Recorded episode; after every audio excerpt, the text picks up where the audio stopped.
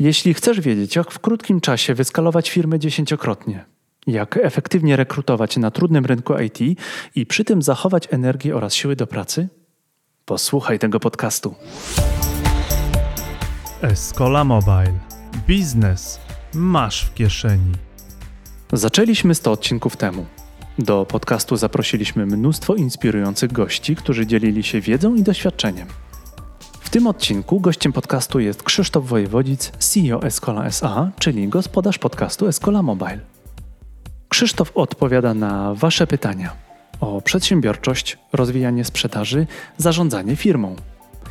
Nie brakuje też osobistych wątków, szczypty humoru i nawiązań do gości naszego programu. Czy podcast sprzedaje? Jak pracujemy z klientami? Jak rozwijamy sprzedaż? W jaki sposób pracować z zespołem, aby rotacja w firmie była jak najmniejsza? No i wreszcie, jak wygląda wejście na giełdę firmy Escola? Za każde przesłuchanie tego podcastu Krzysztof przeznaczy złotówkę na Krajowy Fundusz na Rzecz Dzieci. Dlatego podaj ten podcast dalej. Udostępnij go na Facebooku, LinkedInie, Twitterze i opowiedz o nim znajomym. Dzielimy się wiedzą i dzielimy się wsparciem. Mamy setny podcast, to jest podcast Live Escola Mobile. Wracamy dzisiaj do korzeni. Moim gościem jest moja podcastowa połówka, Krzysztof Wojewodzic. Dzień dobry, Krzysztofie, pozdro z deszczowego, pochmurnego Poznania, gdziekolwiek jesteś. Dzień dobry wszystkim, cześć Andrzej. E, jestem na Lanzarote obecnie, na Wyspach Ciepło? Kanaryjskich. Da się, da się wytrzymać. Nie będę pokazywał, co mam na dole, bo to, to w czasach pracy zdalnej już wielokrotnie To, to się zdezaktualizowało, bo teraz już każdy ma to na dole. Ja na przykład mam, na dole mam e, klapki z napisem Escola. No, no bardzo modne, bardzo modne klapki w tym sezonie słyszałem. Bardzo modne klapki, ponieważ firma jest całkiem fajna i dla tej firmy już od 100 odcinków robimy podcast, w którym dzielimy się wiedzą. Idea tego podcastu wynikła kiedy? W 2019 roku, gdzieś tak podczas deszczowego wieczora przed wrocławskim półmaratonem. Ja mam mm, pewny problem z określeniem, kto pił wtedy co. Ja uważam, że wodę niegazowaną piłem, a, a nie wiem, co ty wtedy piłeś. Ja na pewno mogę powiedzieć, że przed dobrym, e, dobrym półmaratonem trzeba się dobrze nawodnić. I tak wtedy było. e, Tak wtedy było i wtedy są najlepsze pomysły, jak się człowiek nawadnia przed półmaratonem. No i potem przebiegliśmy ten półmaraton. Ty przebiegłeś szybko, ja przebiegłem w swoim tempie, a kilka miesięcy potem to zadzwoniłeś do mnie i powiedziałeś: No dobra, jedziemy. I tak już jedziemy 100. 100 live podcastów. Tak, tak. Umówiliśmy się najpierw na, pamiętam, na 10 odcinków, a potem zobaczymy. No to teraz dojechaliśmy do 100. Myślę, że zrobimy jeszcze 50, a potem zobaczymy. Mamy dzisiaj QA. To QA jest do ciebie, żebyś sobie przypomniał, jak to jest być w podcaście, a nie to, jak to, jak być gospodarzem podcastu, ponieważ jesteś dzisiaj moim gościem. Zebraliśmy kilkadziesiąt pytań, z których wybraliśmy najciekawsze. Pytania będą dotyczyć tak naprawdę rozwoju Escola, pytania będą w formie QA, rozwój Escola, skalowanie przedsiębiorczości, ale też widzę, że będą pytania dotyczące tego, jak sobie dać radę w życiu przedsiębiorcy. Czy cię często spotyka em, samotność przedsiębiorcy, samotność foundera? O tym też będą pytania. Jedziemy. Pierwsze pytanie od Michała. Czy jesteś przed limitem ryzykując, czy tuż za nim, spokojnie dokładając to, co zostaje? Co Michał miał na myśli? Ja myślę, że to jest pytanie o to, jakby o zyskowność firmy i, i na ile inwestujesz to, co zyskujesz. Ja myślę, że warto tu podać, po- oprzeć się na konkretnych liczbach. E, Escola za ostatnie dwa lata, czyli 2020 to jest e, 6 milionów przychodu, 1,1 miliona zysku EBITDA. 2021 to jest e, ponad 10 milionów przychodu i 1, e, prawie 8 e, milionów zysku EBITDA. Czyli czy, czy, czy mamy zysk? Tak. Czy go reinwestujemy? Tak. Czy mógłby być on wyższy? Pewnie tak. Natomiast to, co teraz robimy, to, to rozwijamy produkty, które tworzymy. Natomiast chcemy się rozwijać szybciej, stąd, e, co pewnie jest sekretem dla wielu osób, które nas słuchają. My od początku byliśmy spółką kapitałową, w takim sensie taką, która e, no, zbiera pieniądze od inwestorów, dzieląc się swoimi udziałami. 2017 roku zrobiliśmy to po raz pierwszy, w 2019 roku zrobiliśmy to po raz drugi, w 2021 zrobiliśmy to po raz trzeci, zbierając już tam ponad 2,2 miliona, po to, żebyśmy mogli kupować nowe spółki, po to, żebyśmy mogli szybciej się e, rozwijać. Taki mamy model, bo mm, uważam, że on jest w założeniach bardzo dobry. Te założenia często się, często się wypaczają, e, jeżeli się, nie wiem, nadmuchuje wartość firmy albo robi jakieś dziwne operacje, których nikt nie rozumie. Natomiast w bardzo prostym modelu ci, którzy zainwestowali w Escole 4 lata temu, zarobili trzykrotnie. Ci, którzy zarobili, którzy inwestowali dwa lata temu, dwa i pół, zarobili dwukrotnie. No a teraz będziemy pracować, żeby ci, którzy zainwestowali pół roku temu, również zarobili kilkukrotnie w przeciągu kilku lat. No jest to jakaś tam forma ochrona przed inflacją, a dla nas, jako spółki, jest to możliwość jeszcze szybszego rozwoju. Także yy, można powiedzieć, że robimy to w bardzo uczciwym modelu, czyli ryzykujemy zyskiem, nie wypłacając sobie dywidendy. Nigdy nie wypłacaliśmy dywidendy i do końca mojej kadencji 2,25 nie będziemy. I ryzykujemy czyimiś pieniędzmi, ale wydaje mi się, że no na razie nasze wyniki pokazują, że ryzykujemy bardzo ciężko też pracując i pomnażając te pieniądze. I tutaj będzie pytanie, follow-up question od e, Michała o spokój. W jaki sposób tobie, jako CEO firmy, która się szybko rozwija, udało ci się zachować spokój, gdy miałeś takie sytuacje, gdzie czułeś nóż na gardle lub miałeś taką świadomość, że jeden niedobry krok i naprawdę może wpaść taka kara, że powiemy, dobra, to budujemy sobie chatkę w Bieszczadach i uciekamy. No nie, takich kar umownych, że będzie taka kara, że budujemy chatkę w Bieszczadach i uciekamy, to po pierwsze nie wolno podpisywać, to bym chciał powiedzieć dla wszystkich, którzy teraz są w takim etapie, że na przykład pozyskują jakiegoś dużego klienta. Naszym takim dużym klientem był jeden z banków i faktycznie tam kary umowne idą w setki tysięcy złotych, ale to nie są takie kwoty nadal, żebyśmy z tego powodu uciekali do Dubaju czy, do Biesz czy w Bieszczady. Więc nie podpisujcie po prostu kar, które przekraczają wszelkie wasze możliwości, także jakiegoś prywatnego majątku. Po drugie, chcę powiedzieć tym osobom, które mnie słuchają, że no, po to są spółki ZO, czy jeżeli wszystko robicie zgodnie z prawem, zgodnie z prawem w odpowiednim momencie ogłosicie upadłość i zabezpieczycie w pierwszej kolejności właśnie podatki pracowników, no to też po to się zakłada spółki z ograniczoną odpowiedzialnością, żeby nie w minimalnym stopniu ryzykować e, majątkiem założycieli czy zarządu.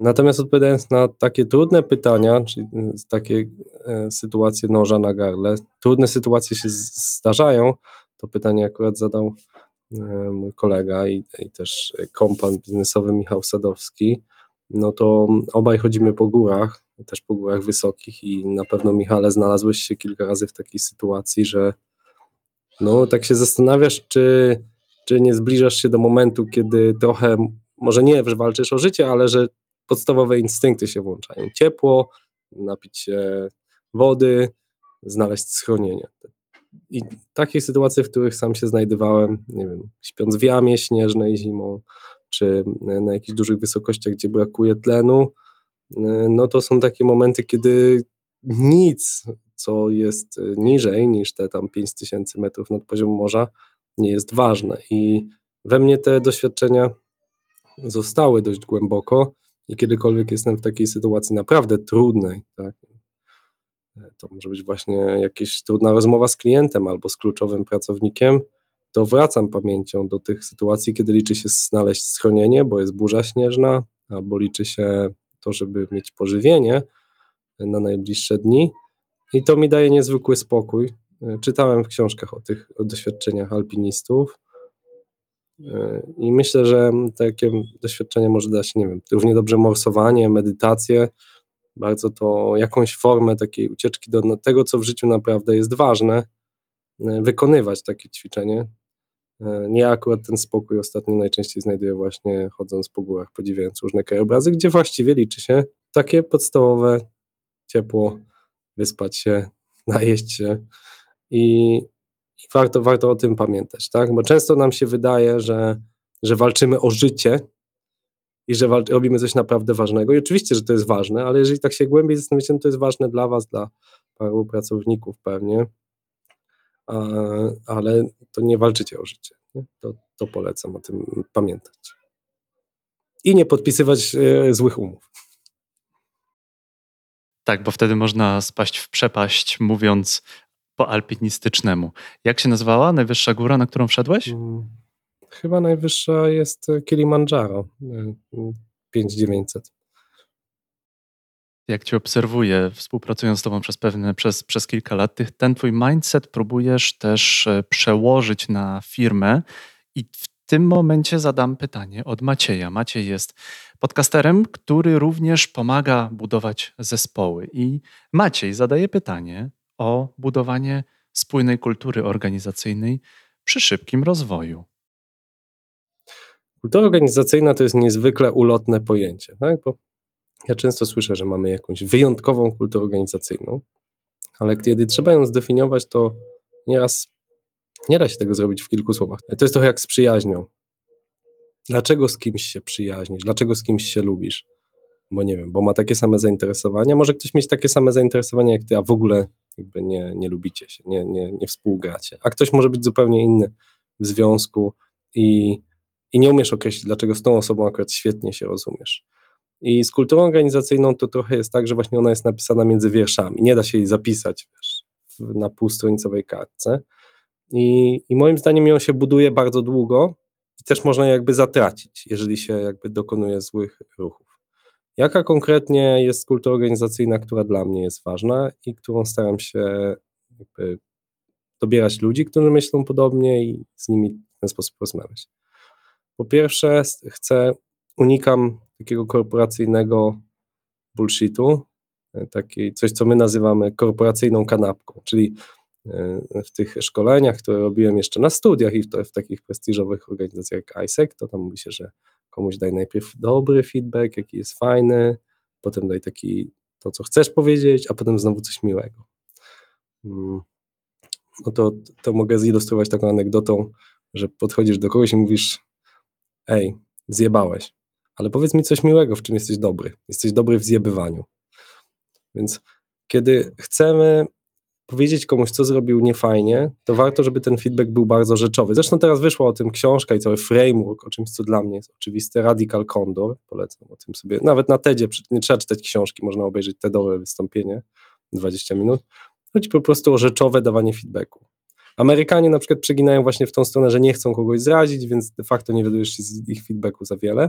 Powiedzą ci, że it's interesting, czyli to znaczy, że jest bardzo słabe. E, z kolei na przykład w kulturze niemieckiej czy, czy skandynawskiej e, chwalenie jest troszeczkę mniej e, okazałe.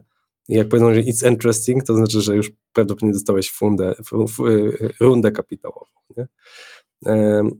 A tak naprawdę chodzi o rzeczowy feedback, to znaczy jeśli staram się z kimś rozmawiać, czy chwaląc tę osobę, czy dając właśnie e, pewną krytykę, to mówię, słuchaj, to ci się udało, bardzo dobrze to zorganizować, bo to, bo to, bo to, albo e, słuchaj, no jeżeli robisz to, to tracimy tu i tu, albo ty się nie rozwijasz, albo rozprasza to komunikację. Też to, co się nauczyłem, akurat to z e, Ministerstwa Edukacji, w którym kiedyś pracowałem, to a mój szef był absolwentem Harvardu, to on mówił, że zawsze krytykując, jeżeli chcemy jakiegoś pracownika skrytykować, to powinniśmy wpierw porozmawiać z e, szefem tej osoby lub szefową. To jest ważna, ważna lekcja, dlatego że czasem może się okazać, że ta osoba nie zrozumiała nas, albo e, ten dany kierownik wydał polecenie i ten pracownik szeregowy na przykład nie miał kompletu informacji, więc dlatego wykonał to zadanie nieprawidłowo i dlatego szef powinien raczej przekazywać feedback. Więc nie zawsze trzeba to stosować, jeżeli na przykład my bezpośrednio daliśmy to polecenie, ale ja na przykład staram się nie nie, nie pomijać nigdy bezpośredniego szefa, team lidera, scrum mastera w wyznaczaniu zadań, bo to czasem burzy całe flow jakby komunikacji, bo ta osoba po prostu nie wiedziała, źle zrozumiała. Więc bardzo ważne jest to, żeby o tym e, pamiętać. I właśnie staram się nie budować tych shit kanapek, tylko mówić bardzo rzeczowy feedback. I druga rzecz, którą, która jest dla mnie ważna w budowaniu biznesu, to nie chcę pracować z osobami, które mnie bardzo denerwują. Wydaje się to taka z jednej strony absurdalna zasada, bo nie da się mieć osób, które wszystkie lubimy, ale jest bardzo mała proporcja osób, które mnie denerwują w życiu, powiedzmy, nie wiem, jedna na tysiąc i mm, takie osoby zazwyczaj są bardzo toksyczne i nie tylko mnie denerwują, ale też wszystkich naokoło. I przez taką jedną toksyczną osobę może się zatruć cały zespół i zwolnić cały zespół. Nie można takich osób utrzymywać w firmie, nawet jeżeli są świetnymi specjalistami. My to ukuliśmy w taką zasadę, że właśnie nie pracujemy z osobami, które nas mm, jają, bo mm, to po prostu może doprowadzić do rozsypania się całej, całej kultury organizacyjnej w zespole, a nawet w firmie. Zdarzają się złe rekrutacje, nawet ktoś może świetnie wypaść. Mieliśmy takie sytuacje e, w Escola, że ktoś świetnie wypadł, miał doskonałe referencje, nie wiem, pochodził z renomowanej firmy, e, miał świetne certyfikaty, ale po prostu zupełnie, zupełnie e, nie pasował, nie umiał grać dla zespołu. I te osoby po prostu nie mają swojego miejsca w Escoli. To myślę, że są takie dwie bardzo, jak zauważyliście, ludzkie zasady, miękkie, ale sprawiają, że dzięki temu w Escoli no, od y, trzech lat właściwie nie odszedł, y, no, odszedł jeden programista, tak, czyli jak na tą, ten, o, że tak powiem, to, co się dzieje teraz w branży, to jest bardzo dobry wynik i to wydaje mi się z tego wynika, że ludzie się dobrze czują, bo nie ma ludzi, którzy ich irytują tak bardzo. Y, i i, i, po, I poza tym staramy się dawać sobie rzeczowy feedback, a dzięki temu ludzie mogą rosnąć, mogą się poprawiać, mogą się doskonalić, a nie słyszeć, ale jesteś fajny, we wszystko jest pięknie, albo z kolei dostawać całkowicie niechwalenie. Znaczy, ja się bardzo dużo chwalę i y, chwalę innych, y, mówiąc świetna robota. Czasami to są małe rzeczy, nie wiem, E, ostatnio wysyłałem naszej agencji PR-owej, akurat byłem bardzo zajęty, więc po prostu wysłałem SMS-a do zespołu, słuchaj, świetnie, świetnie, że to nagrałeś, świetnie to skoordynowałeś, świetna robota, super, dzięki, nie? I no nie wiem, jak ja coś zrobię, to lubię być doceniony, więc po prostu stosuję to, co sam lubię. Tak, pomiędzy tym pytaniem Macieja a e, Michała. Janusz pyta o największe trudności w rozwoju produktów. W tym wypadku to jest i zarządzanie, i technologia, mhm. i co? Z Twojej perspektywy CEO Escola, jakie są największe trudności w rozwoju produktów? Okay, jeżeli chodzi o zarządzanie produktami, to z perspektywy CEO to już nie jest um, ani technologia, ani sposób zarządzania, to są ludzie. Wszystkie produkty, które ma Escola, w tej chwili jest ich e, sześć, to żaden z nich nie był moim pomysłem. Warto powiedzieć. Żaden z nich nie był moim pomysłem. Wszystkie te pomysły zostały przez nas kupione i większość tych pomysłów wyrosło z pomysłów pracowników. E, meetingę, aplikację eventową kupiliśmy wraz z Vicent Coders. E, to jest aplikacja, która w zeszłym roku wypracowała około 600 tysięcy złotych. Potem mamy Pupile, czyli aplikację weterynaryjną, która wymyśliła Paulina i wypracowała też Paulina, już inna Paulina, e, doktorka weterynarii. Potem mamy Frivo, w którym przyszedł Andrzej i zrobił z nami spółkę, w której jest kołem 80%, a, a spółka Green Corp 20%, aplikację do zamawiania jedzenia bez kolejek.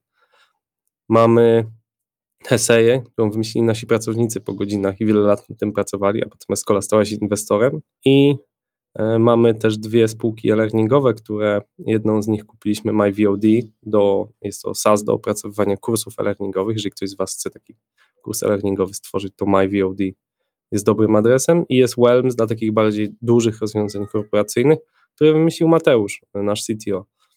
Więc dla mnie te osoby, które potrafią coś takiego wymyślić, no to są genialne osoby. Ja mało wymyślam w sumie, natomiast staram się wesprzeć te procesy, gdzieś tam ustawić pewne priorytety, no i dać dostęp do ludzi, którzy są potem w stanie to kupić. Tak, bo wymyślić produkt, wiecie, ja znam parę, parę takich startuperów, którzy raz na tydzień mają nowy pomysł na startup, Natomiast no jakby nigdy nie tylko nawet nie wyexitowali go, ale nawet nie zbudowali. I ja nie jestem taką osobą. Ja bardzo, mi jest trudno znaleźć dobry pomysł. Jak słyszycie, to nawet nigdy go nie wymyśliłem. Natomiast bardzo staram się wesprzeć potem taki proces, szczególnie w zakresie znalezienia pierwszego klienta, e, potem wyskalowania tego, wyjścia na zagranicę i tak dalej. To myślę, że, myślę, że jest moja taka super moc. No a trudności techniczne w zarządzaniu projektami to wydaje mi się są problemy rozwiązywalne. Ja dzielę problemy na rozwiązywalne i nierozwiązywalne. tak, problemy zarządzania, no mamy metodyki do tego, czy jest winne, czy nie jest winne, wcale nie mam tutaj jakichś wcale preferencji, one, one wszystkie sprowadzają się do tego, żeby rzeczy zostały spriorytetyzowane, a potem wykonane. Wszystkie te metodyki się do tego sprowadzają. Mm, to tylko kwestia, jak często jest jakby zrobiony check-up, jak często się sprawdza, czy zostały zrobione. Jeśli chodzi zaś o, mm, o same technologie, no to technologie powinny decydować te osoby, które są najbliżej tego produktu i mają największą wiedzę na temat technologii. Tutaj jeszcze jest pytanie od e, Janusza o, o te idee, gdzie one się pojawiają i jak dochodzimy do koncepcji. Czy coś musimy dodać w tym temacie, w dochodzeniu do koncepcji i ideach? No, tak jak mówię, idea jest e, warta 1 dolar, a egzekucja jest warta 999 dolarów. Ja tak mówię, nie jestem dobry w wpadaniu na pomysły, bo te pomysły do mnie przychodzą. W sensie z racji tego, że ja sprzedałem dwie spółki, zrobiłem dwa te tak exity, E, i wiele osób mnie kojarzy w środowisku startupów, no to nie wiem, z dwa razy w tygodniu dostaję jakieś ciekawe pitch decki albo propozycje inwestycyjne i część z tych spółek jest ciekawych, ale większości z nich właśnie brakuje bardzo silnego pomysłu na egzekucję. Mm, pomysłu albo po prostu dużej ilości funduszy, to znaczy wiele rzeczy, żeby zrobić, no nie da się tego zrobić za milion złotych, trzeba za 10 milionów dolarów, żeby to w ogóle miało szansę się udać. A ja nie mam 10 milionów dolarów, więc nie jestem w stanie pomóc. Mm, a z kolei większość rzeczy, które da się zrobić za 100 tysięcy złotych, nie przyniosą 10 milionów dolarów. Większość. Czasami się zdarza, że są takie, które przyniosą. Mm, nie szukając daleko, nie wiem, Just Join IT, pomysł całkowicie bootstrapowany. Mm, Sellwise Szymona Negacza, też fajny podcast ma, e, też pomysł całkowicie bootstrapowany, bez, bez inwestycji. Więc da się w Polsce zrobić pomysł warty co najmniej 10 milionów dolarów, bo oba te pomysły są co najmniej tyle warte, mm, ale mm, to wymaga po prostu niezwykłej pracy i niezwykłej charyzmy i świetnego zespołu. Można by pracę nad Eskolą porównać do ewolucji, bo zaczynałeś od małej grupy programistów, ma, ma, małego przedsiębiorstwa, rozwijasz to przedsiębiorstwo jako CEO. Zmieniacie się również e, światopogląd, tak naprawdę. Być może zmieniają ci się, zmienia ci się podejście. Są pewne przekonania, i tutaj wchodzi pytanie Janusza o przekonania, które musieliśmy, musiałeś ty, musiała firma zmienić, aby wejść na wyższy poziom. Pewnie tutaj chodzi o poziom obecny. Tak więc pytanie, jakie przekonania musieliście zmienić, aby wejść na wyższy poziom? Jeśli chodzi o przekonania, ja bym powiedział, że mm, cały czas ewoluuje właśnie ta kultura organizacyjna, jak i procesy między organizacją dziesięcioosobową, właściwie Escola zaczyna jako spółka pięcioosobowa, mająca pięciu programistów. W tym kwartale ona osiągnie poziom e, około 100 programistów więc y, każdy etap, oczywiście są różne teorie, że tam jest etap tam 40 osób, 60, różne są te teorie, no ale to są tylko teorie i to zależy od organizacji. E, procedury oczywiście powinno się zmieniać cały czas i taką prostą zasadą jest to, że jeżeli dwa, trzy razy coś zostanie zapisane, powiedziane, to powinno się to zastanowić, czy nie powinno się tego w jakiś sposób sprocesować, bo to po prostu ułatwia komunikację osobom, które dołączają, e, skraca komunikację. To, co można zautomatyzować, powinno się automatyzować, to co można delegować, powinno się delegować, to co można usunąć, powinno się usuwać. I to ćwiczenie staram się robić raz na kwartał ja i, i w zespołach w firmie, żeby firma mogła rosnąć.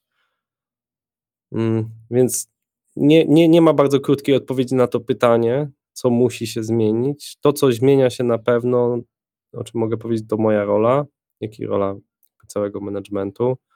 Na pewno moja rola w początkach firmy była operacyjna, czyli no, zajmowałem się zarządzaniem projektami. E, teraz już od dwóch lat mniej więcej się tym raczej nie zajmuję.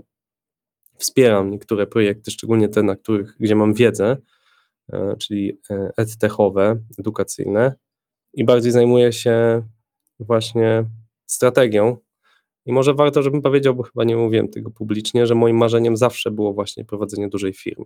W sensie dla mnie Escola zaczyna być ciekawa teraz. Mm, kiedy staje się stuosobową organizacją, kiedy jest więcej strategii, kiedy to jest już bardziej niż małą łódeczką zarządzanie, zarządzanie większym stateczkiem. Jeszcze, broń Boże, nie dużym statkiem, ale większym stateczkiem, bo no moje wykształcenie to jest zarządzanie strategiczne i jak moje doświadczenie tuż przed Eskolą to jest e, Boston Consulting Group, e, to jest z wielkiej czwórki, więc mi bardziej interesuje niż operacyjne zarządzanie właśnie zarządzanie strategiczne, czyli podejmowanie tych kluczowych decyzji, które mogą ten statek kierować na właściwe tory. I wydaje mi się, że to jest teraz, teraz jest etap, który dla mnie sprawia, że Escola jest bardzo ciekawa. To znaczy, na przykład ten skręt w stronę venture buildingu bardzo dużo u nas zmienia i bardzo dużo musimy się nauczyć, żeby robić to dobrze. E, więc jestem teraz w takim procesie i cały zespół jest w procesie, żeby nauczyć się sprzedawać produkty, znajdywać inwestorów pod poszczególne produkty, rosnąć jako grupa, znajdywać te synergie, cross-sellować, wydzielać te spółki. Także to ten rok 2021 był przełomowy i wydaje mi się, że 2022 e, i 2023 będą kolejnymi przełomowymi datami, które pokażą, czy Escola jest w stanie być dobrym venture builderem. Mówisz o tym, że się zmienia Twoja rola, że ta rola się przepoczwarza, ewoluuje. Również to się działo na przestrzeni lat. Jak obecnie wygląda rozdzielenie między Twoją samodzielną pracą a delegowaniem tych zadań? No ja, ja się staram bardzo mało mm, rzeczy robić operacyjnie, ponieważ e, skupiam się właśnie na pracy koncepcyjnej i pracy z kluczowymi klientami. Co mam na myśli konkretnie? Przez pracę koncepcyjną w jakiś sposób na przykład sprawić, żeby Escola LMS stała się globalną spółką. Czy powinniśmy to robić poprzez jeżdżenie na międzynarodowe konferencje, czy powinniśmy robić to mm, docierając do kluczowych osób e, przez LinkedIna. Staram się testować te rozwiązania, staram się też sprawdzić, co na rynku jest potrzebne, obserwując różne dyskusje właśnie na LinkedInie, czego rynek oczekuje, testując to w rozmowach z klientami. Niedawno miałem okazję uczestniczyć w rozmowie z bankiem. Mm, jednym, jakby jakie są potrzeby dużych klientów, i potem będę chciał to zeskalować. Znaczy, chciałbym jako zespół, żebyśmy to zeskalowali. Więc to jest to, jest to czym, się, e, to, czym się zajmuję osobiście. Z drugiej strony jestem twarzą Escoli, jesteśmy tuż przed wejściem na giełdę, więc udzielam wywiadów dla dziennikarzy. Wczoraj udzielam wywiadu dla Investor TV, dzień temu dla Pulsu Biznesu. E, jest trochę mniejszych wywiadów, które staram się udzielać, żeby opowiedzieć, czym e, zajmuje się Escola, jak i spotkania wewnętrzne. Z, e, trzy tygodnie temu mieliśmy spotkanie podsumowujące rok dla naszych akcjonariuszy. Staram się też odpowiadać na te zapytania. To jest może, cieka- może wiele osób zaciekawi, ale staram się odpowiadać na większość takich zapytań właśnie na, jak ktoś do mnie napisze maila, czy na LinkedInie, jeśli chodzi o to, że ma jakiś pomysł na biznes, albo właśnie chciałby zrobić jakąś aplikację i skonsultować, to staram się pomóc całkowicie nieodpłatnie skierować taki pomysł na dobre tory. Uważam, że mm, przychodzi mi to na tyle szybko, żeby wskazać parę porad, że robię to. Jeśli oczywiście coś wymaga jakiejś dłuższej analizy, no to wtedy, e, wtedy oferuję jakieś warsztaty koncepcyjne e, z osobami z Escola. Natomiast tak, staram się cały czas, cały czas jakby analizować te pomysły, patrzeć też co dzięki temu, co jest na rynku popularne. No i wreszcie taką moją osobistą misją jest e, dzielenie się wiedzą, co robię w podcaście, ale też i w pracach akademickich. E, prowadzę na e, kierunku sztuczna inteligencja na Koźmińskim przedmiot Venture Building, jak się, jak się buduje właśnie startupy, jak się buduje firmy, jak się pozyskuje kapitał, 4 marca właśnie zaczynam zajęcia ze studentami. Zazwyczaj jeden student lub dwóch, dwoje trafia do Escoli dzięki temu, co pozwala, bo to w większości są studenci z całego świata, co, co pozwala Escole też zasilić ciekawymi talentami, którzy znają się na sztucznej inteligencji. No, na MBA-u jednym uczę, także dzielę się wiedzą też, to jest moja misja. Czy jesteś w stanie w tym momencie opowiedzieć, w jaki sposób wygląda organizacja firmy? Mamy taki zespół menedżerski, w którym sprzedaży, Paweł jako dyrektor generalny, Kuba, czyli prawnik i członek zarządu, który zajmuje się częścią administracyjną, tutaj z pomocą Joanny. I można powiedzieć, że w tym zespole, nie wiem czy powiedziałem też Mateusz, CTO, w tym zespole podejmujemy wszystkie strategiczne decyzje i raz na kwartał staramy się spotykać i ustalić takie właśnie strategiczne kierunki dla firmy. Czy chcemy bardziej iść właśnie jako software house, czy jako venture builder? A jeśli jako venture builder, to w jaki sposób te zespoły, jak dać im takiego kopa, jak je rozpędzić? Mm, kto powinien, nie wiem, zostać szefem spółki? Na przykład w ten sposób Daniel został prezesem spółki Frivo, tak? Gdzie są talenty, które mogą awansować w ramach grupy kapitałowej. I właściwie no, mogę powiedzieć, że myślę, że 50% mojej pracy to jest praca na zewnątrz, czyli właśnie z działem marketingu. I druga część, no jakby te osoby, które wspomniałem, zarządzają swoimi działami z mojej perspektywy, czyli zajmują się, no CTO wiadomo, zarządza pracą headów, czyli szefów technologii danej, tak, frontend, backend, mobile, DevOps, potem Monika zajmuje się UX, działem UX, działem testów i działem project managementu. Potem mamy e, Ilonę, która zajmuje się marketingiem i sprzedażą. No Kuba zajmuje się finansami, e, obsługuje nasze wejście na giełdę, księgowością wraz z Joanną i Paweł zajmuje się wszystkim innym, a zostaje tego sporo, głównie jeśli chodzi o tak zwanym zarządzaniem, która osoba idzie do jakiego projektu, czyli jeżeli pozyskany jest jakiś nowy klient, to jak zorganizować zespół. No plus wszystkimi wrzutami, tak zwanymi, z pomocą Marcina. E, także ja operacyjnie mam taki przywilej, że nie zajmuję się zarządzaniem firmą. Nie wiem, jakie mamy projekty dokładnie. Mm, nie, nie ingeruję w nie, nikt mi tasków w nie przypisuje, chyba że jest jakaś wyjątkowa sytuacja nie komunikuje się raczej na Mattermoście, e, czyli naszym wewnętrznym komunikatorze, takim jak Slack. Mm, więc, mm, tak jak mówię, skupiam się na tej pracy koncepcyjnej i na pracy właśnie z przychodzącymi do nas propozycjami ciekawych współprac. Powiedziałeś mniej więcej, jak wygląda zbudowanie zespołu, w jaki sposób te zespoły są zbudowane. I wspomniałeś o zespole sprzedaży, i tutaj jest pytanie od Chrisa. W jaki sposób skalujesz sprzedaż. Zdrać trochę swoich tajników Chrisowi. Myślę, że jak skalować sprzedaż, to lepiej by opowiedział mm, Szymon Negacz w swoim podcaście Nowoczesna Sprzedaż i Marketing, albo fajnie bardzo opowiada tym Bartek Majewski. Jest jego, na YouTubie ma sporo takich filmów, gdzie fajnie o tym opowiada, jak i świetny blog, chyba najlepszy blog o sprzedaży, to może być Kazbek. E, I tam nie tylko Bartek pisze, ale też Jacek. Świetnie pisze, bardzo lubię jak Jacek pisze. Może powiem najważniejszą rzecz. Jeśli chodzi o pracę w software house, czy z dużymi klientami, takimi enterprise'owymi, to wasza gra, sprzedaż polega na tym, żeby pozyskać kilka nowych leadów rocznie. Jeżeli w danym miesiącu zdobyliście jeden, jednego nowego klienta, to jest super. Zakładając, że gracie o dużych klientów, nie robicie jakichś tam stronek na WordPressie. Jeśli zdobędziecie dużego klienta korporacyjnego, tak jak klientem jest Colis, bank, to ten bank bardzo długo będzie Was wybierał. Zajmie to wiele miesięcy, wiele rozmów, ale jeśli zostaniecie, będziecie obsługiwać bank, no to prawdopodobnie jest to współpraca na wiele lat, która będzie dużo większa niż pierwotnie zakładana umowa, bo pojawią się nowe projekty. I jeżeli zdobędziecie ich zaufanie, to zrobicie nowe, kolejne rzeczy.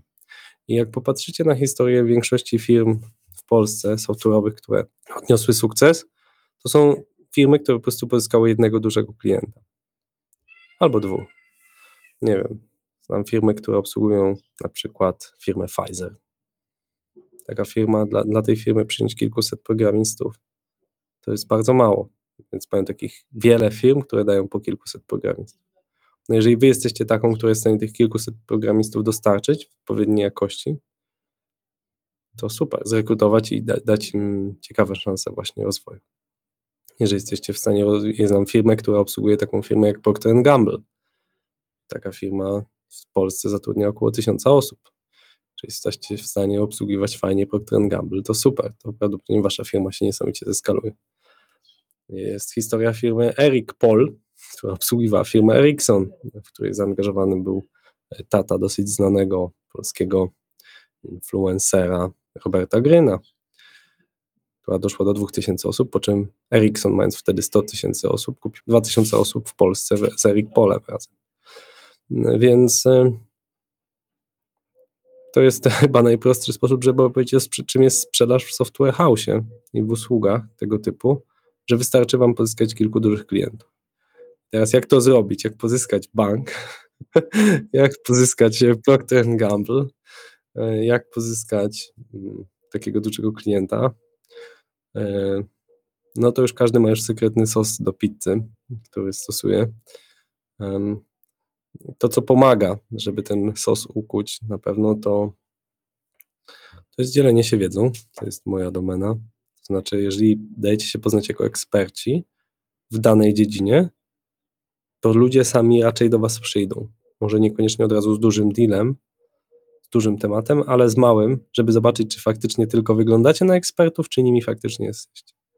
I uważam, że sprzedaż oparta o eksperckość jest świetna, jeżeli jesteście butikowym software house'em, bo potem, jeżeli jesteście już duzi, macie, nie wiem, powyżej tysiąca osób, to możecie sprzedawać poprzez to, że jesteście duzi i jeżeli przychodzi na przykład nowa firma, jeżeli nie wiem, Mercedes-Benz będzie chciał otworzyć tutaj centrum outsourcingowe i potrzebuje od razu 100 programistów, no to macie tą cechę, że macie już tych 100 programistów, jesteście w stanie znaleźć. Natomiast jeśli ich nie macie, no i macie ich w ogóle in total 15, no to musicie pokazać się jako eksperci, nie wiem, w Golangu, e, w Ruby on Rails, e, w Javie, w jakiejkolwiek technologii, albo na przykład jesteście najlepsi e, w IoT, w embedded systems, albo jesteście najlepsi w aplikacjach mobilnych, choćby Escola. Jesteście po prostu w tym naprawdę, dowieziście bardzo dużo wdrożeń i oczywiście najtrudniejszy jest ten tak zwany pierwszy klient, tak? Znaczy jak bank ma wam zaufać. No to mogę powiedzieć na przykład jedną z takich ciekawych historii, że jedna z firm, którą obsługujemy, nasza współpraca zaczęła się od tego, że poprowadziliśmy dla nich szkolenie z aplikacji mobilnych. I to szkolenie oni jakby na tyle dobrze przyjęli, powiedzieli, wy się naprawdę na tym znacie, no to zróbcie dla nas taki tam komponent. Ok, zrobiliśmy dobrze, no to zróbcie całą aplikację. Ok, zrobiliśmy dobrze. No to zacznijcie obsługiwać całe portfolio naszych aplikacji. I moim zdaniem to jest najlepszy sposób na sprzedaż, czyli zrobić, najpierw dać się poznać jako ekspert, potem zrobić coś małego, potem coś większego, potem coś jeszcze większego, aż w końcu staniecie się taką firmą, która jest godna zaufania. I to jest mój sposób na skalowanie sprzedaży. Uważam, że nie ma chyba akurat w tym segmencie takiego sposobu, że nie wiem, macie jakiś super skrypt, dzwonicie, nie? To, to wiecie, to może działać na jakąś tam fotowoltaikę albo sprzedaż garnków, no ale jeżeli ktoś ma wam zaufać i powierzyć, nie wiem, swój system klasy Enterprise, duży, na którym stoi ta firma, no to no to, to, to by była bardzo niepoważna firma, gdyby odpowiedziała po prostu na jakiegoś cold maila albo cold telefon, chyba, że właśnie trafiliście idealnie w potrzebę, typu, typu nie wiem, umiecie wdrożyć Ruby on Rails dla Automotive z AI-em i coś tam, jesteście jedną z dwóch firm na świecie, która to robi. No to wtedy na cold maila, jak dobrze go wyślecie do osoby, która prawdopodobnie tego potrzebuje, to pewnie na niego odpowie. Więc albo super y, laserowy fokus, laser focus, czyli coś takiego, czego praktycznie nikt nie ma, pięć firm na świecie, albo e, zdobycie zaufania jakąś małą rzeczą. I tutaj może też dam też taką radę, bo wiele osób też idzie w takie modne rzeczy. O, jest modny teraz blockchain, albo modny jest AI. I budują wokół tego wielką narrację. To może czasem być skuteczne, jeśli faktycznie umie się potem to dowieść, tak? Czyli znaleźć odpowiednich inżynierów i potem faktycznie doprowadzić do sukcesu takiego projektu.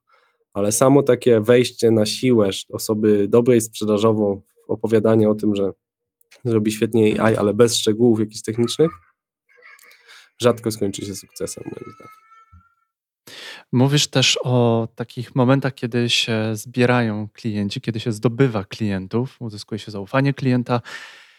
Z tego, co powiedziałeś, poprzez również małymi, małymi krokami, poprzez dzielenie się wiedzą, poprzez pozycję eksperta. No jak się dzielisz wiedzą, to też się rozwijasz, wtedy łatwiej tak naprawdę zagadać do ciebie, albo mo klientowi może szybciej przyjść coś do głowy, aby w jakiś sposób po prostu uderzyć do ciebie, powiedzieć: Panie Krzysztofie, mamy tutaj y, biznes do zrobienia. I w którymś momencie dochodzimy do ściany. Masz dużo zamówień, masz dużo ludzi. W jaki sposób utrzymuje się równowagę między nowymi sprzedażami a obłożeniem zespołu pracą? Bardzo prosta jest odpowiedź na to pytanie. Rekrutując nowe osoby. Kropka? Kropka. No, zakładając, że rośnie. Bo jeżeli nie masz zamówień, no to wtedy raczej musisz zwalniać osoby. Oczywiście są na to jakieś szczegółowe sposoby. Niektórzy pożyczają y, y, pracowników z innych firm, korzystają z tak zwanej ławeczki. Myśmy z tego nigdy nie korzystali, więc nie umiem powiedzieć, jak to działa. U nas raczej to tak działa, że jest dużo zamówień, więc trzeba rekrutować nowe osoby i w ten sposób y, na to reagujemy. A jak rekrutować, to mogę odpowiedzieć już na osobne pytanie, jak się pojawi. Mamy tutaj pytanie follow-up, które ja się przyznaję, bardzo mnie interesuje, jakie jest Twoje spojrzenie, bo nagrywamy podcast, mamy ponad już tak naprawdę ponad 100 podcastów. Zarówno e, Chris, jak i Szymon mówią o tym, czy podcast sprzedaje, czy to w ogóle jest początek. Jakie jest twoje, Twoja perspektywa podcastu w kontekście sprzedaży? Czy podcast wspomaga sprzedaż? Czy podcast sprzedaje? No to, jest, to jest takie pytanie, zależy jaki podcast i zależy co sprzedaje. Ja mogę powiedzieć jedno, gdyby podcast miał zerową zerową udowodnioną wpływ na sprzedaż, dalej bym prowadził podcast, bo dzięki niemu poznałem bardzo dużo ciekawych osób, bo bardzo dużo się sam dowiedziałem. Uważam, że te 100 podcastów to jest dla mnie równoważne temu, jakbym zrobił jakiegoś MBA. Z tego, ile osób mnie opowiedziało mi o swoich jakichś takich tajnikach wiedzy, których raczej by się nie chciało podzielić tylko ze mną, tak? pójść na kawę i mi opowiedzieć, żeby mnie oświecić ale że podzieliło się dzięki temu tą wiedzą kilku, z kilkuset osobami, to się podzielili. Nie wiem, weźmy Tomka Karwatkę, który bardzo ciekawy ma podcast i o e-commerce i o budowaniu biznesu w Escoli. Weźmy e, to, co opowiedziała nam Dorota z SAPA e, Zaręba, jak właśnie integrować duże systemy enterprise'owe, czy to, co opowiada E, Michał e, z Microsoftu o tym właśnie, jak działa chmura. E, czy Tomek z Prediki też w temacie chmury, czy kilka dziewczyn opowiadało, akurat same dziewczyny były o gamingu, jak działa gaming, jak się buduje i na mobile, i na komputery, jak się sprzedaje gry. No, takiej wiedzy trudno jest szukać i każdej, do każdego podcastu ja się też musiałem przygotowywać, więc to dzięki temu bardzo dużo się dowiedziałem. Więc to jest największa wartość. A to, że korzystają z tego inne osoby i się mogą sporo nauczyć, to mnie bardzo cieszy. Jeżeli część z tych osób zostanie naszymi klientami, to też mnie bardzo cieszy. Nigdy nie, nie mierzyłem tego i nie wiem, czy da się skorelować to, czy podcast przynosi klientów. Na pewno przynosi pracowników. O, to warto powiedzieć. Czyli. Rozwiń. Czyli, tak, na pewno kilka osób przyszło do Escoli pracować, bo mówi, że dajemy fajną wiedzę i dzielimy się wiedzą, fajnie opowiadamy o tych dosyć złożonych zagadnieniach IT. To jest dla mnie super ważne. Wiedza musi, nasza wiedza, czy wiedza, którą my zdobywamy, musi nadążać za tym, jak się rozwija technologia. I mamy kolejne pytanie właśnie w tym kontekście o rozwój sektorów i technologii IT w najbliższym czasie. Jeśli to nie jest wróżenie z fusów, to jakie jest Twoje przekonanie? na które z tych sektorów w IT będzie kładziony ogromny nacisk finansowy, będzie się, tam będzie pieniądz. Ja uważam, że to IT jest, um, całe IT będzie się rozwijać. Natomiast no, obszary, które na pewno w tej chwili są na niezwykłej krzywej wznoszącej, no to jest cały sektor e-commerce. Escola tu nie przypadkiem zainwestowała w Heseya y, e-commerce, bardzo fajny framework do, do budowania sklepów. Na pewno edukacja, ona przeniosła się do online'u, dlatego też Escola ma tu swoje rozwiązania, Wellmsa i MyVOD, ale jest też szereg innych obszarów, które są bardzo ciekawe. Na pewno e, sztuczna inteligencja to jest coś, co, co, co zmienia świat. Tutaj Escola robiła rozwiązania i dla Inoji, i dla e, Biedronki. w zakresie różnego uczenia maszynowego. Więc to są takie trzy obszary, które uważam, że szczególnie ciekawe.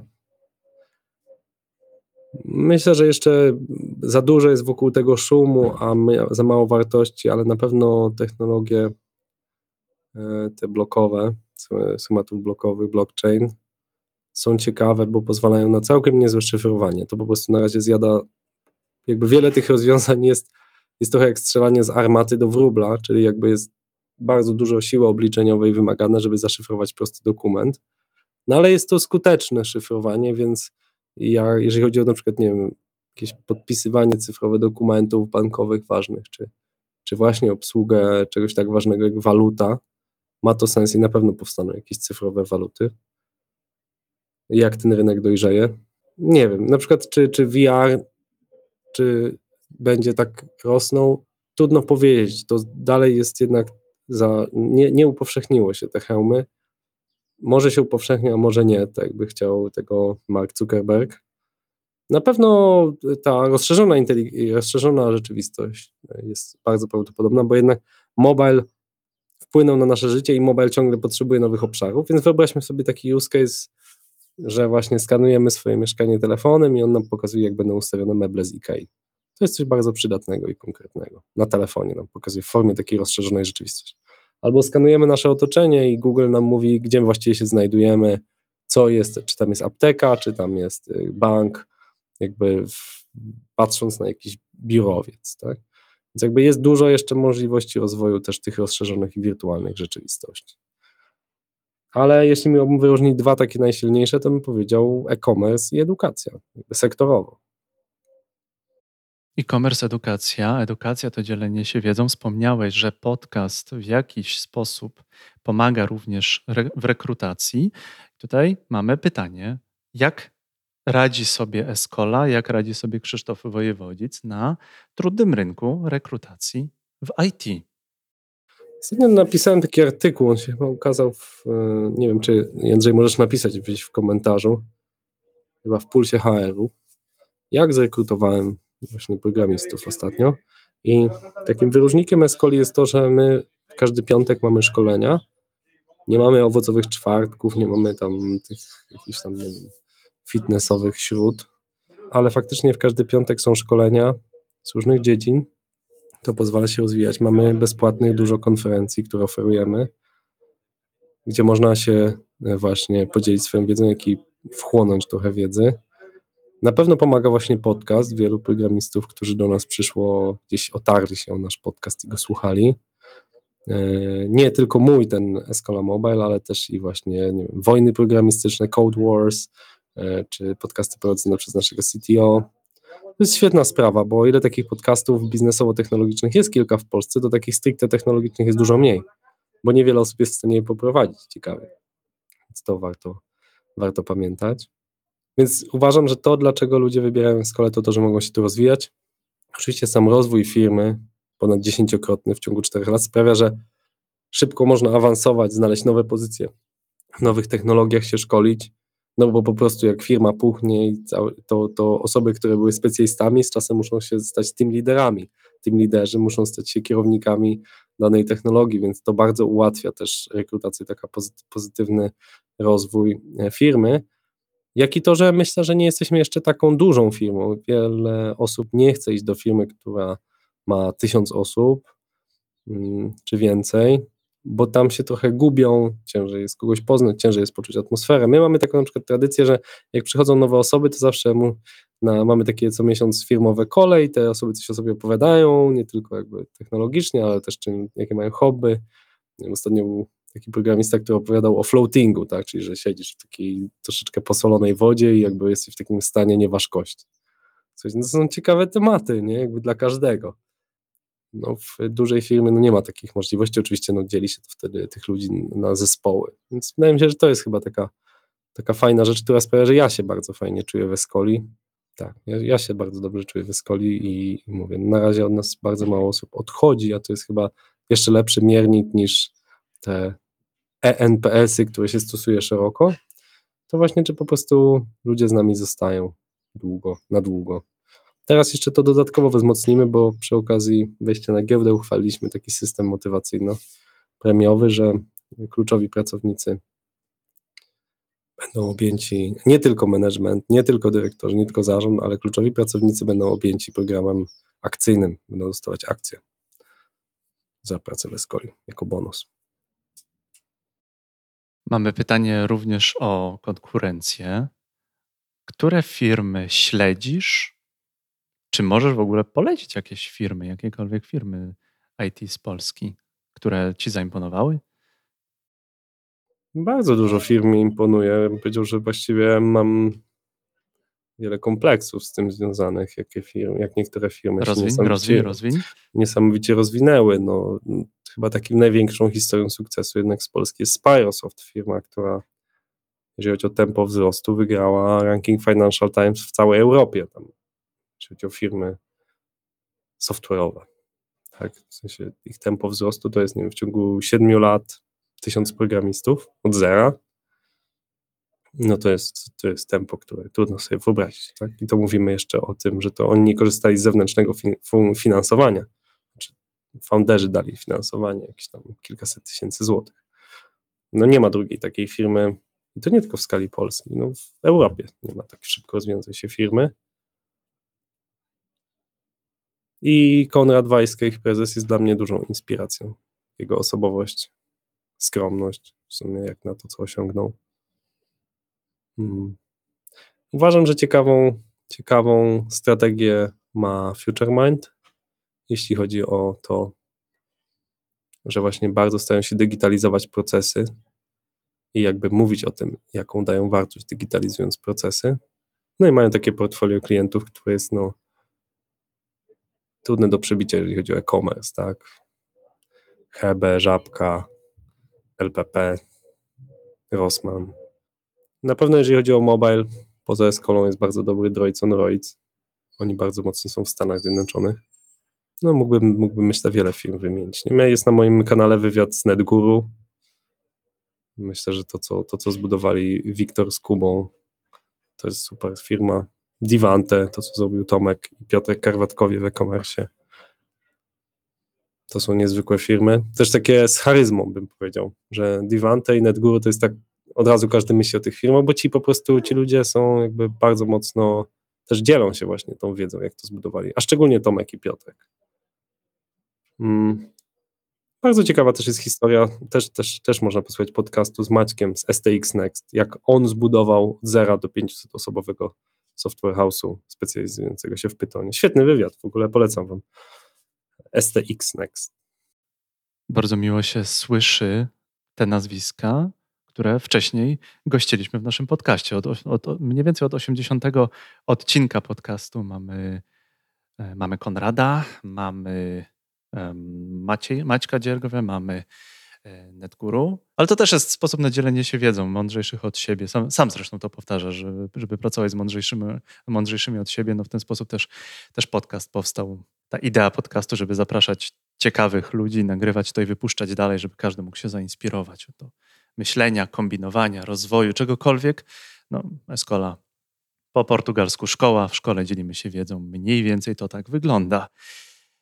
Ja chciałem jeszcze zadać pytanie od Marka. Marek y, pyta się o Twoje doświadczenie w administracji publicznej z produktem i czy kiedykolwiek wrócisz do administracji publicznej.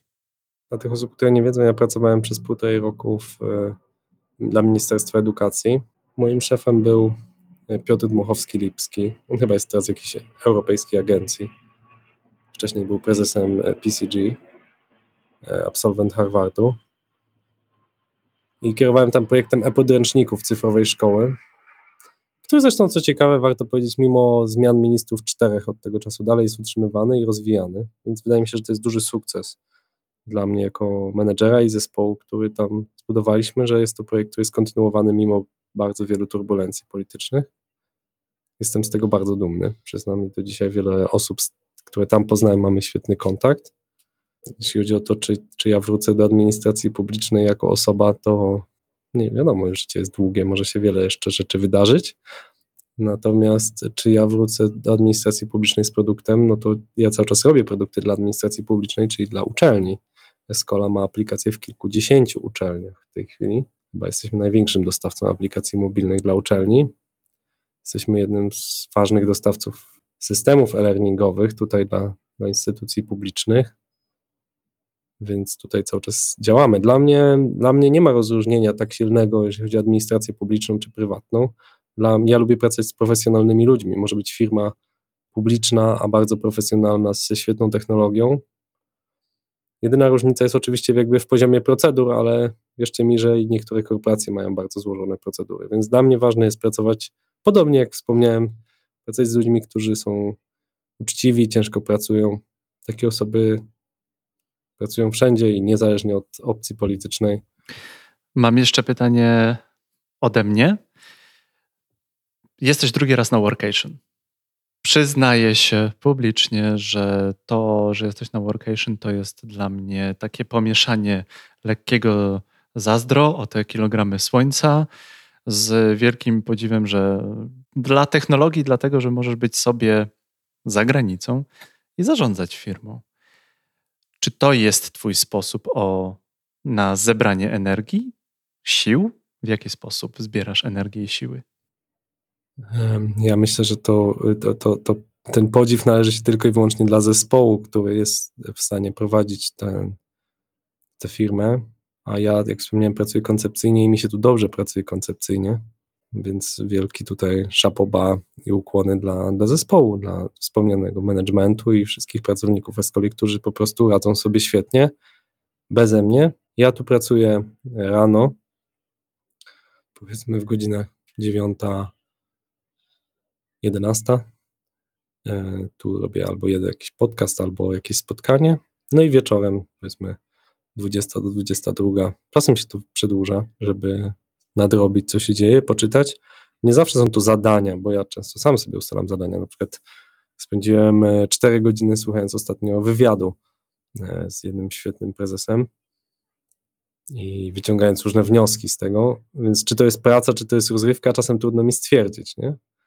E, szczególnie jeśli możesz słuchać takiego podcastu sobie biegając po plaży. Więc tak tak naprawdę w dzisiejszych czasach trudność wyjechania jest i nie jest finansowa, bo loty kosztują kilkaset złotych w jedną stronę.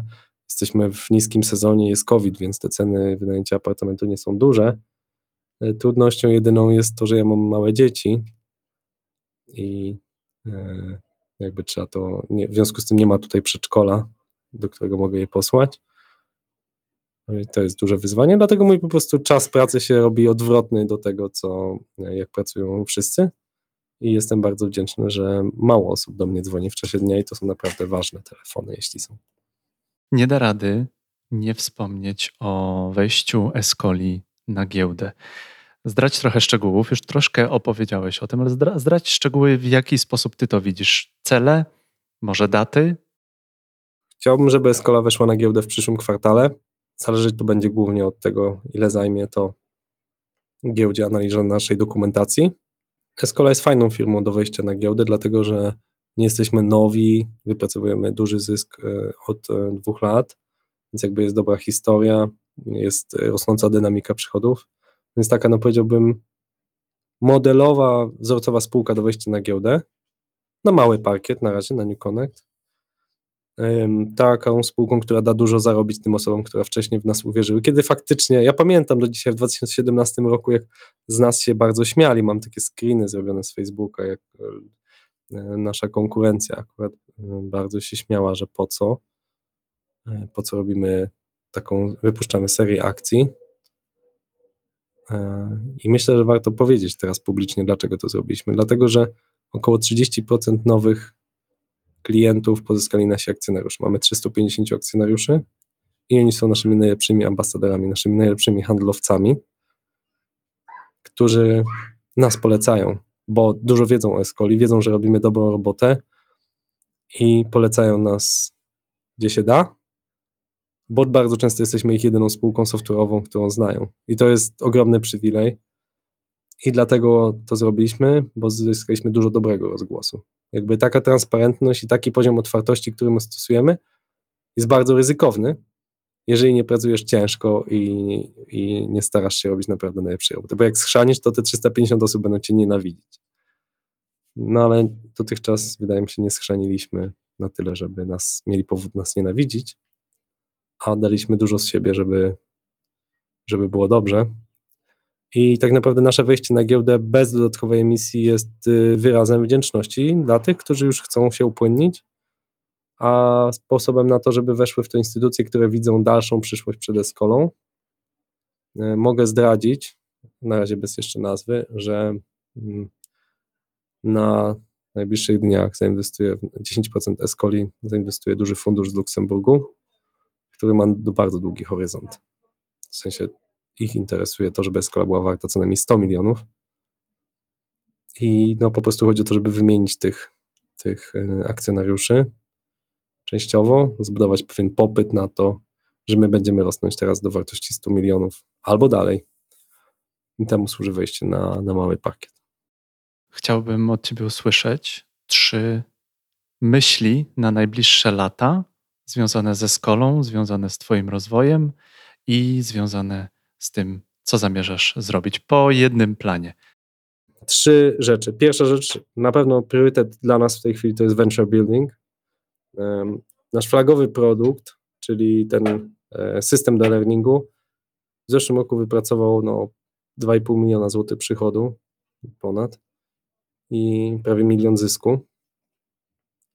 I to jest e, dobry predyktor, że to będzie wspaniała spółka. E, będę rozmawiał niedługo z wyspecjalizowanym funduszem, czy, ten, czy będzie inwestor do tej spółki. E, no ona robi bardzo niszową technologię, headlessowy, headlessowy system do learningu, gdzie właściwie jedynym takim istotnym konkurentem jest Adobe. I wiem, że technologicznie jesteśmy mocniejsi, więc tu są ogromne perspektywy. Jest to trochę zbliżone do tego, co znacie za komersu z View Storefront, który niedawno miał rundę na 250 milionów złotych. Tylko my to robimy akurat w e-learningu. Więc to jest taki nasz priorytet na te produkty. Na pewno duży priorytet na edukację. Drugi plan to jest oczywiście skalowanie zespołu w usługach. Uważam, że rynek jest teraz niezwykle chłonny dla wszystkich firm, które są w stanie dowozić w określonych niszach, w określonych technologiach. U nas na pewno będą to aplikacje mobilne i webowe. Tu jesteśmy mocni, mamy fajne portfolio wdrożeń, mamy też przykłady takich niszowych rozwiązań, tak jak wspomniałem, z wykorzystaniem sztucznej inteligencji choćby. Więc to będzie druga noga, na której będziemy stać. A trzecia noga rozwoju, no to wydaje mi się niezmiennie będą akwizycje. E, planujemy w ciągu najbliższych trzech miesięcy jeszcze jedną akwizycję i mogę zdradzić, że będzie to największa akwizycja w historii Escoli z bardzo charyzmatycznym CEO, więc mam nadzieję też będzie druga osoba ciekawa do opowiadania różnych historii. Mm, więc to będą nasze trzy nogi na rozwój w najbliższym czasie. No to ostatnie pytanie. Gdzie znajdziemy naj... Gdzie w najbliższym czasie znajdziemy Krzysztofa Wojewodzica? Gdzie spotkamy Krzysztofa Wojewodzica w najbliższym czasie w Polsce? No tak, w najbliższym to wracam 24 lutego do Polski. Więc 24 e, wieczorem już jest spotkanie Soda Locals we Wrocławiu. Jak ktoś jest członkiem Sody i nas słucha, to zapraszam do Wrocławia o 19 24 lutego. A potem na pewno planuję być 17-18 marca na Mobile Trends w Krakowie, który w tym roku będzie Escola organizować. Świetne wystąpienia w tym roku się zapowiadają. Będzie też nowy prowadzący, Jarosław Kuźniar, bardzo ciepło pozdrawiam Jarku. Będzie świetny line-up gości. Chyba na dniach będzie obradować e, kapituła, do której ja akurat nie należę i kto będzie wybierać najlepsze pomysły. Będzie też wręczenie nagród Mobile Trends Awards. Tutaj chcemy, żeby nic się nie zmieniło, żeby Escola w żaden sposób nie wpływała na, na to, jakie aplikacje będą wybierane. Także no, to, będzie, to będzie niezwykłe wydarzenie w tym roku i mam nadzieję, że do tego czasu trochę ten cholerny psikus 19 nam odpuści, bo już chyba trochę mamy go dość tutaj w Polsce i na świecie. Więc tego sobie chyba życzę i nam wszystkim. Drodzy słuchacze, dziękujemy Wam, że jesteście z nami. To jest 100 odcinków. To nie jest koniec, bo mamy już nagrane kilkanaście odcinków do przodu, więc będziemy dalej się dzielić wiedzą.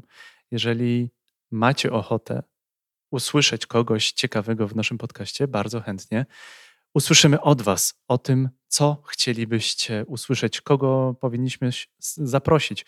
Może kogoś powinniśmy zaprosić jeszcze raz do naszego podcastu. Krzysiek, z mojej perspektywy, wyrobił się na bardzo dobrego podcastera, który świetnie słucha i zadaje celne pytania. Wróciliśmy teraz do korzeni. Teraz ja odpytałem Krzyśka. Bardzo Ci dziękuję, Krzyśku. Bardzo Wam dziękuję, że jesteście z nami, drodzy słuchacze, drodzy widzowie. To nie jest koniec, dalej dzielimy się wiedzą. To był setny odcinek podcastu Escola Mobile. Moim gościem był CEO Escola SA, Krzysztof Wojewodzic. Do usłyszenia, do zobaczenia. Dzielimy się wiedzą. Cześć. Escola Mobile. Biznes masz w kieszeni. Dziękujemy za Twój czas. Mamy nadzieję, że ten odcinek był dla Ciebie inspiracją. W podcaście dzielimy się wiedzą. Zapraszamy najciekawszych gości styku świata biznesu, technologii, edukacji. Zadajemy im pytania, wydobywamy wiedzę. Rozmowy nagrywamy i serwujemy w postaci podcastu na Spotify, iTunes, filmu na kanale YouTube Escola Mobile i na naszym blogu escola.pl. Ten odcinek jest specjalny.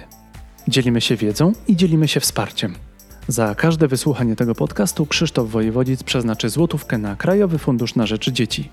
Dlatego podaj ten podcast dalej. Udostępnij go na Facebooku, LinkedInie, Twitterze. Opowiedz o nim swoim znajomym. Dziękujemy, że jesteś z nami.